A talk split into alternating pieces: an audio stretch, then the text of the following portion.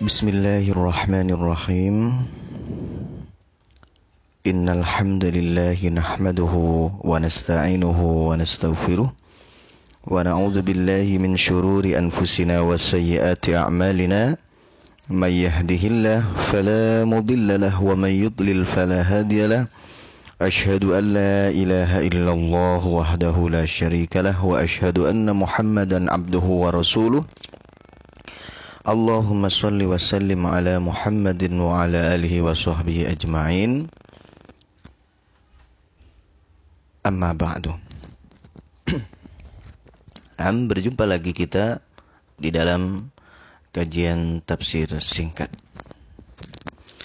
Dan kita masih di dalam penafsiran ayat yang ke-6 dari surah Al-Fatihah yaitu siratal ladzina an'amta alaihim.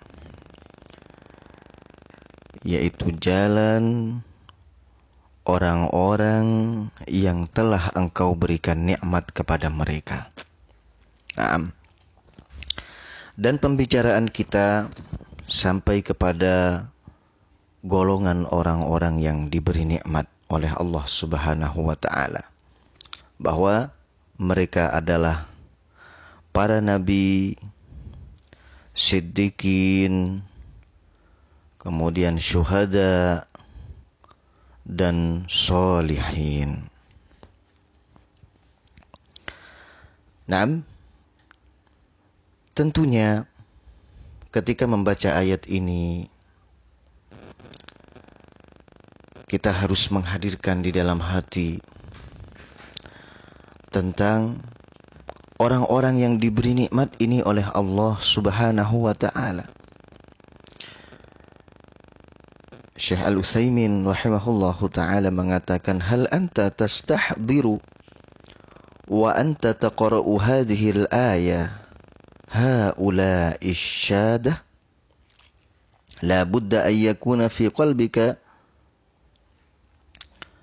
dzikru li haula'i sadah Apakah kamu ketika membaca ayat ini hadir di dalam hatimu tentang orang-orang yang diberi nikmat ini oleh Allah Subhanahu wa taala yang merupakan orang-orang yang patut untuk ditauladani? Jawabnya, memang sudah seharusnya hadir di dalam hatimu untuk ingat kepada mereka orang-orang yang diberi nikmat ini. Nah, mereka ini adalah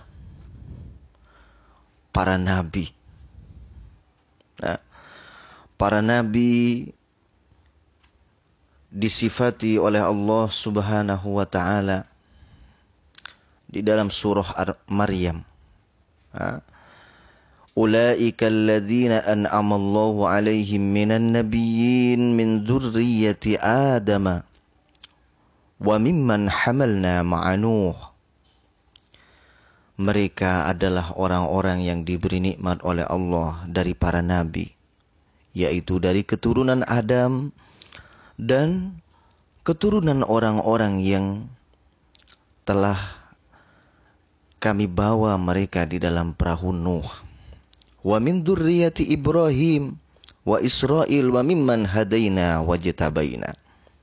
Dan juga dari keturunan Ibrahim dan Israel yaitu Yakub dan dari orang-orang yang telah kami berikan hidayah kepada mereka dan kami pilih mereka.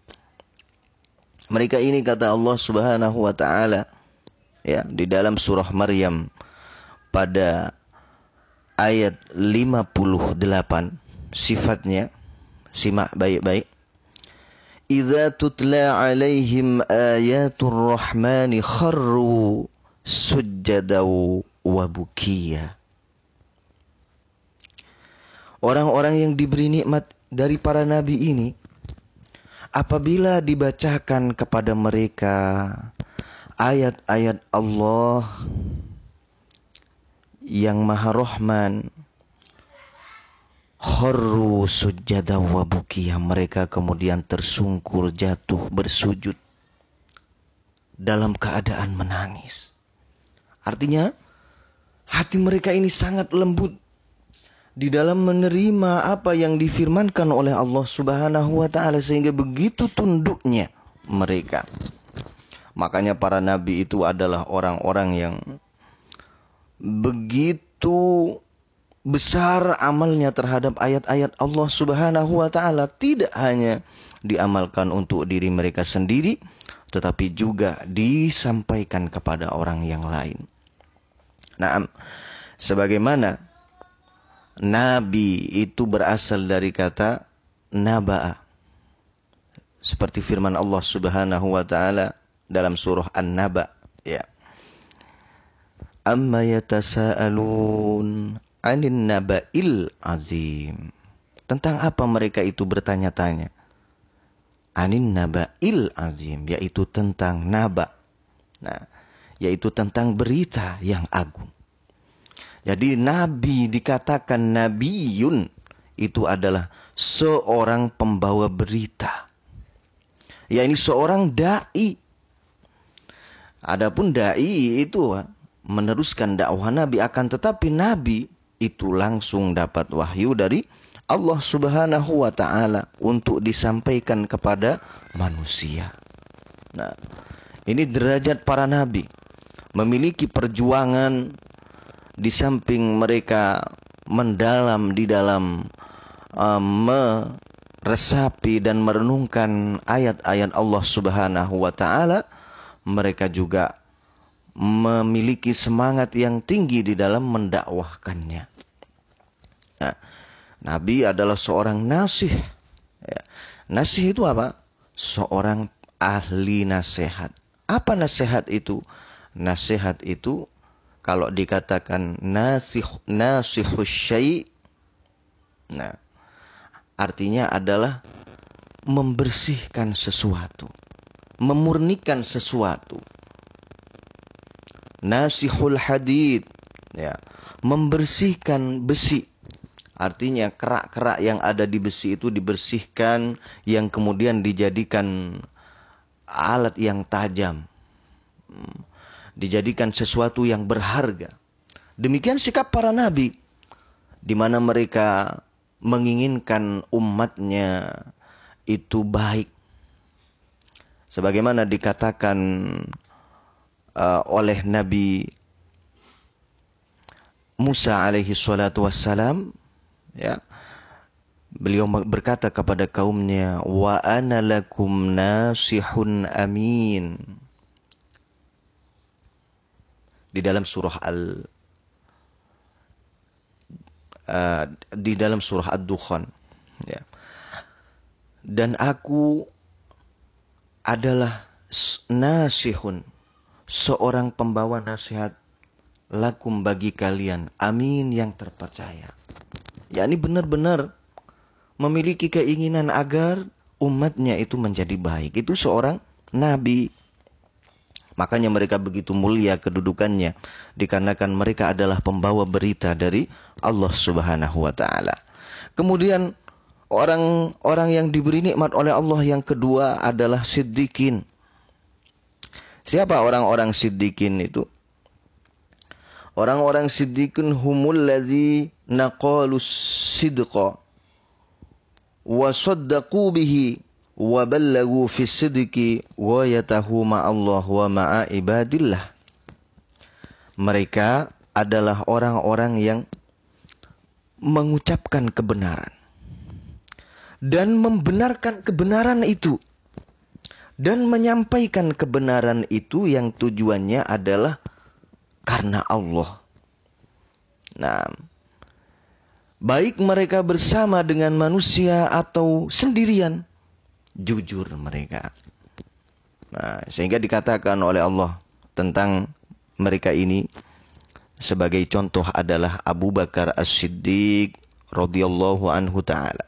Dikatakan Abu Bakar As-Siddiq walladzi jaa bis-sidqi wa saddaqa bihi ulaika humul muttaqun. Ya. Dan orang yang datang dengan kebenaran dan membenarkannya. Mereka itulah orang-orang yang bertakwa. Abu Bakar dijuluki oleh Allah Subhanahu wa taala sebagai as-siddiq. Kenapa? Karena Abu Bakar tidak pernah berpikir panjang. Ketika mendapat berita dari langit tentang akhirat, ya, tentang perintah, ya, tentang berita yang gaib, Abu Bakar selalu berkata, benar. Sebagaimana ketika beliau mendengar Rasulullah Shallallahu Alaihi Wasallam diisrokan oleh Allah Subhanahu Wa Taala dari Makkah ke Baitul Maqdis. Nah, kemudian naik ke langit Mi'raj. Di mana itu hanya dilalui dalam beberapa detik saja. Apa yang dikatakan oleh Abu Bakar? Siapa yang bercerita itu? Yang bercerita itu adalah kawanmu Muhammad maka kata Abu Bakar, maka kalau dia yang bercerita, maka aku membenarkannya dan aku beriman dengannya. Nah, itu sikap orang yang beriman. Ketika mendapat uh, ayat dari firman Allah Subhanahu wa taala dan nasihat dari hadis Rasulullah sallallahu alaihi wasallam, maka dia langsung percaya, tunduk hatinya. Nah, ini adalah tingkatan orang-orang yang siddiqin. Yang seolah-olah seorang siddiqin adalah orang-orang yang mereka itu melihat suatu kebenaran dengan mata kepalanya.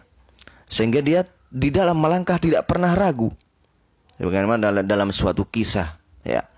Abu Bakar adalah orang yang berani menginfakkan hartanya seluruhnya. Umar pernah suatu kali datang kepada Rasul, "Ya Rasulullah, apakah Abu Bakar hari ini uh, di dalam himbauanmu untuk bersedekah sudah mengeluarkan sedekahnya?" Kata Rasul, "Belum." Nah, sebelum-sebelumnya aku selalu dikalahkan oleh Abu Bakar. Nah, sekarang aku akan mengalahkan dia. Aku punya 100 dirham. Aku infakkan 50 dirham. Hmm. Artinya dia sudah menganggap besar 50 dirham itu. Maka kemudian setelah itu datanglah Abu Bakar kepada Rasul Shallallahu Alaihi Wasallam. Nah, Kemudian dia membawa harta. Katakanlah itu 30 dirham. Ya. Ini Rasul infak saya. Berapa? 30 dirham. Apa yang kau tinggalkan untuk keluargamu? Kata Abu Bakar radhiyallahu anhu taala, tidak ada kecuali hanya Allah dan Rasulnya.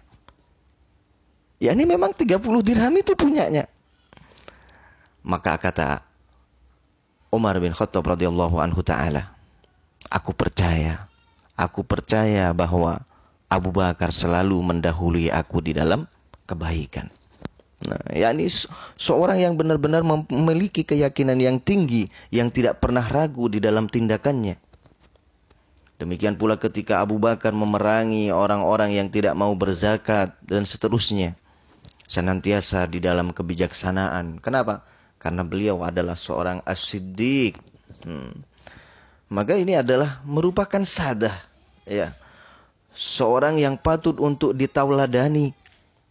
Sebagaimana dikatakan oleh Allah Subhanahu wa taala, mereka adalah orang-orang yang diberi nikmat oleh Allah Subhanahu wa taala. Nikmat ini di dunia juga di akhirat.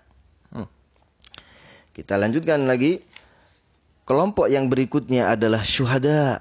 Syuhada ini adalah orang-orang yang mati syahid, yang berperang di jalan Allah Subhanahu wa taala yang memperjuangkan kalimat Allah Subhanahu wa taala. Nah, namun di sana ada orang-orang yang syahid tetapi tidak syahid di jalan Allah di dalam peperangan.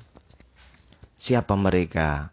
Syahid mereka ini adalah para ulama Hmm. Di mana mereka memang tidak pernah membawa pedang. Tetapi yang mereka bawa adalah Al-Quran dan Sunnah. Ya, memerangi kebatilan dengan itu. Ya, memerangi ahli bid'ah. Wa yashhaduna 'alal ummah bi anna ad-da'wah balagathum. Mereka mempersaksikan ya kepada umat bahwa dakwah ini mereka sampaikan Man yadri anna rasul ballago. illal ulama. Siapa yang mengerti bahwa Rasul telah menyampaikan ilmu-ilmu yang diturunkan oleh Allah? Hanya ulama yang mengerti itu. Wa manil ladzi yashhadu 'alal ummah annaha bullighat illal ulama. Siapa yang memberikan kesaksian kepada umat ini bahwa ilmu itu telah disampaikan ya ulama. Falihada kanu syuhada maka oleh karena itu ulama ini juga dikatakan sebagai syuhada. Syuhada wa 'alan nas. Ya, mereka adalah seorang syuhada yang berjuang di atas tengah-tengah manusia. Sehingga dikatakan dalam uh, hadis Nabi sallallahu alaihi wasallam la yazalu min hadhil ummah akan senantiasa ada di dalam umat ini seseorang yadharuna 'alal haqqi la yudhilluhum man khadalahum. Nah, yang senantiasa menampakkan, memperjuangkan kebenaran itu. Tidak ada yang dapat menghinakan mereka, orang yang merendahkan mereka. yakni mereka senantiasa memperjuangkan kebenaran itu. Ini adalah para syahid yang senantiasa menghidupkan sunnah memperjuangkan sunnah memerangi ahli bid'ah. Nah, ini memang tidak nampak. Tetapi perjuangan mereka bukan hanya uh, di medan dakwah. Mereka berjuang di dalam rumah. Mereka juga berjuang ya, sedikit bekerja, senantiasa membaca kitab-kitab Allah ya tafsir-tafsir dari para ulama membedakan mana pendapat yang batil, mana pendapat yang benar. Masya Allah. Siapa yang melakukan ini? Ulama. Sehingga mereka adalah seorang syahid di hadapan Allah Subhanahu wa taala. Walaupun mereka tidak berdarah, tetapi keringat mereka adalah keringat darah yang senantiasa mereka itu memerangi hawa nafsu ya mengekang keinginannya kepada dunia berjuang untuk umat demi tegaknya agama kemudian yang golongan yang terakhir itu adalah orang-orang yang soleh dikatakan ya Orang-orang yang soleh itu sebagaimana kita katakan kemarin bahwa mereka bukan orang yang main-main tetapi mereka adalah orang yang juga bukan main hebatnya. Nah, mereka disifati oleh Allah Subhanahu wa taala ya qa'imatu yatluna ayatillahi ana al-layli wa hum yasjudun. Yu'minuna billahi wal yaumil akhiri wa ya'muruna bil ma'rufi wa yanhauna 'anil munkari wa yusabiquna fil khairat wa ulaika minas solihin Orang-orang yang soleh itu mereka ini adalah orang-orang yang senantiasa menegakkan bacaan mereka terhadap ayat-ayat Allah di waktu pertengahan malam. Mereka senantiasa bersujud siang dan malam kepada Allah, beriman kepada Allah dan hari akhir, mengajak kepada kebaikan, men melarang dari perbuatan yang mungkar dan senantiasa menjadi orang yang terdepan di dalam kebaikan. Wa ulaika minas solihin dan mereka inilah orang-orang yang soleh. Itu sifat daripada orang yang soleh. Ya, ini orang-orang yang istiqomah ya membaca Al-Qur'an bersujud kepada Allah dasarnya iman kepada Allah dan hari kiamat ya'muruna bil ma'ruf wa yanhauna 'anil munkar mengajak kepada kebaikan melarang dari perbuatan yang mungkar nah, utamanya kepada keluarga wa yusari'una fil khairat senantiasa berada di barisan terdepan di dalam kebaikan ini orang-orang yang soleh seperti itu Nah, sekarang kita di barisan mana? Hmm. Apakah kita berada di barisan yang terendah ini? Oh, kayaknya masih kurang. Nah, ini adalah kesempatan sehingga memperbaharui, bukan hanya kita berdoa tetapi tergambar ya terpampang di hadapan kita. Sebagaimana dikatakan oleh Syekh Al-Utsaimin tadi ketika kita membaca ayat ini kita melihat bagaimana sih orang soleh itu bagaimana sih seorang syuhada itu bagaimana seorang siddiq itu bagaimana seorang nabi itu.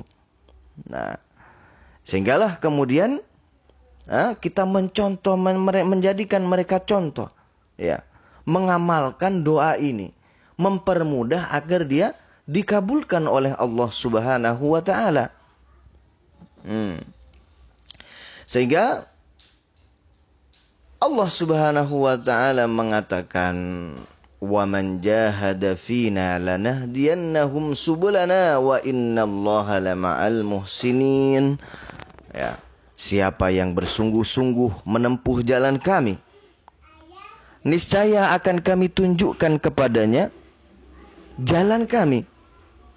Dan sesungguhnya Allah itu hanya bersama dengan orang-orang yang muhsinin.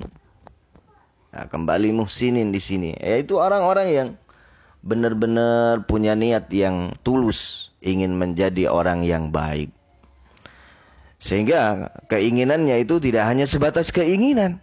Sebagaimana kita ingin sukses di dalam dunia, kita selalu membangun usaha, ya belajar mempelajari usaha itu dengan baik. Gimana supaya bisa berhasil ya? Memperjuangkan membuat sponsor-sponsor yang melakukan pelawatan-pelawatan ke daerah-daerah mensurvei dan seterusnya. Ya berjuang bukan hanya diem nah, sama dengan orang yang berjuang ingin menjadi orang yang baik ingin menjadi orang yang diberi nikmat oleh Allah Subhanahu wa taala maka dia harus berusaha ya, mencari Bagaimana sih para nabi itu? Bagaimana sih orang siddiqin itu? Bagaimana para syuhada itu? Nah, bagaimana orang yang soleh itu kemudian dijalankan? Ya, diamalkan itu. Nah, demikian. Ya, tafsir daripada orang-orang yang diberi nikmat oleh Allah Subhanahu wa taala. Ya, orang-orang yang diberi nikmat oleh Allah Subhanahu wa taala. Dan nikmat di sini sebagaimana kita katakan tadi, nikmat di dunia dan juga nikmat di akhirat. Ya. Di dunia mereka merasa nikmat, di dunia ah, di akhirat apalagi. Sehingga dikatakan oleh Syekhul Islam Ibnu Taimiyah rahimahullahu taala. Nah, seorang itu tidak akan merasakan surga yang ada di sisi Allah sebelum dia merasakan surga yang ada di dunia. Maksudnya apa? Nikmatnya dekat dengan Allah, nikmatnya ibadah, nikmatnya menjadi orang yang soleh. Nah, sehingga Allah mengatakan di dalam surah Yunus, Inna awliya Allahi la khawfun alaihim walahum yahzanun. Lahumul bushra fil hayatid dunya wa fil akhirah la tabdila li kalimatillah. Dzalika huwal fawzul adim.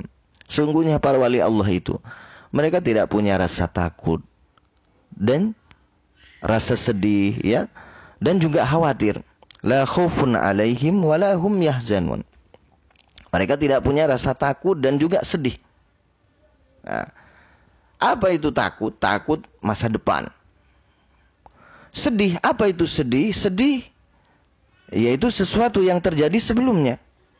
Kenapa si fulan sedih? Karena ditinggal kasihnya. Kenapa si fulan sedih? Karena ibunya baru meninggal. Nah, itu sedih, takut. Nah, kenapa si fulan nggak datang? Ya, karena dia takut. Nah, takut di apa namanya? dibegal misalnya. Backup dia belum berangkat dia sudah takut. Nah, itu takut kepada sesuatu yang ada di depan. Nah, orang yang diberi nikmat oleh Allah Subhanahu wa taala adalah orang yang tidak pernah sedih dari apa yang luput darinya. Dari apa yang sudah terjadi. Dan dia juga tidak pernah takut terhadap apa yang akan terjadi. Karena dia yakin semua ada di tangan Allah. Semua sudah ditentukan oleh Allah Subhanahu wa taala dan manusia itu ya, manusia itu biasanya mereka luput dari hari ini untuk beramal karena terpenjara pada waktu yang dua tadi. Waktu yang telah berlalu, waktu yang akan datang. Nah, sedih karena masa lalu membuat dia tidak bisa beramal. Murung hari ini. Memikirkan masa depan, angan-angan yang akan terjadi di masa depan. Sehingga dia khawatir, pusing akan masa depan. Gimana saya besok, gimana ini. Akhirnya sekarang tidak bisa beramal. Nah, itulah orang yang rugi. Ah, orang yang beriman, orang yang dapat nikmat tidak pernah merasakan kerugian itu. Nah, kemudian bagaimana kita menjadi orang yang diberi nikmat itu oleh Allah Subhanahu wa taala? Nah, yaitu kita menapaki jalan orang-orang yang diberi nikmat itu jalan para nabi. Ya, jalan yang lurus yaitu Al-Quran dan sunnah Rasul Shallallahu Alaihi Wasallam, sunnah para sahabat Ridwanullah alaihim. Sebagaimana dikatakan oleh uh, Nabi di dalam hadis Irbad bin Sariyah, ya, "Wa may ya'ish minkum fasayara ikhtilafan katsiran." فعليكم بسنتي وسنة الخلفاء الراشدين المهديين أضوا عليها بالنواجذ Ya.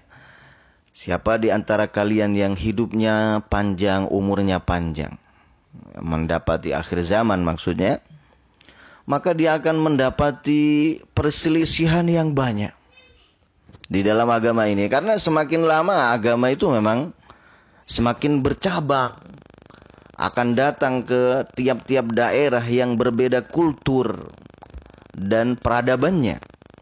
Sehingga kemudian kadang seseorang itu membawa faham dari nenek nenek moyangnya. Nah ini yang memperkeruh agama, yang membuat agama itu ad, timbul di dalamnya perbedaan. Maka kata Nabi apa? Jalan keluarnya. Alaikum bisunnati. Hendaknya kalian memegang sunnahku. Wa sunnatil khulafa'ir rasyidin. Sunnah khulafa'ur rasyidin yaitu Abu Bakar, Umar, Uthman, Ali. Ini Kemudian addu alaiha bin nawajid, gigit dia dengan gigi gerahangmu. Jangan sampai lepas. Wa iyyakum wa muhdatsatil umur dan takutlah kalian dalam perkara-perkara yang baru di dalam agama. Nah, artinya apa? Nah, kalau kita ingin menapaki siratul mustaqim, sirotnya orang-orang yang diberi nikmat, kita harus istiqomah di atas sunnah. Di atas dalil Al-Quran dan sunnah. Karena itulah jalan orang-orang yang diberi nikmat. Kuatkan akidah, kuatkan ibadah yang sesuai dengan sunnah. Di saat kita kuat ibadah, maka tidak ada satupun yang akan menggoyahkan kita. Yuthabbitullahu alladhina amanu bil qawli thabiti fil hayatid dunya wa fil akhirah. Ya Allah akan menguatkan ya orang-orang yang beriman bil qawli sabit dengan ucapan yang kokoh, dalil yang kokoh yaitu dari Al-Qur'an dan hadis yang sahih. Di dunia dan di akhirat. Mereka punya hujah yang tidak bisa digoyahkan, tidak bisa dilawan, tidak bisa dijungkirkan, tetap dia semangat memperjuangkan kebenaran apa pun yang terjadi. Nah, itulah jalan orang-orang yang diberi nikmat. Jalan pilihan, jalan uh, yang merupakan jalan yang agung yang menyampaikan seseorang menuju Allah Subhanahu wa taala, jalan yang lurus. Nah, itulah tafsir dari ayat ke-6 uh, singkatnya.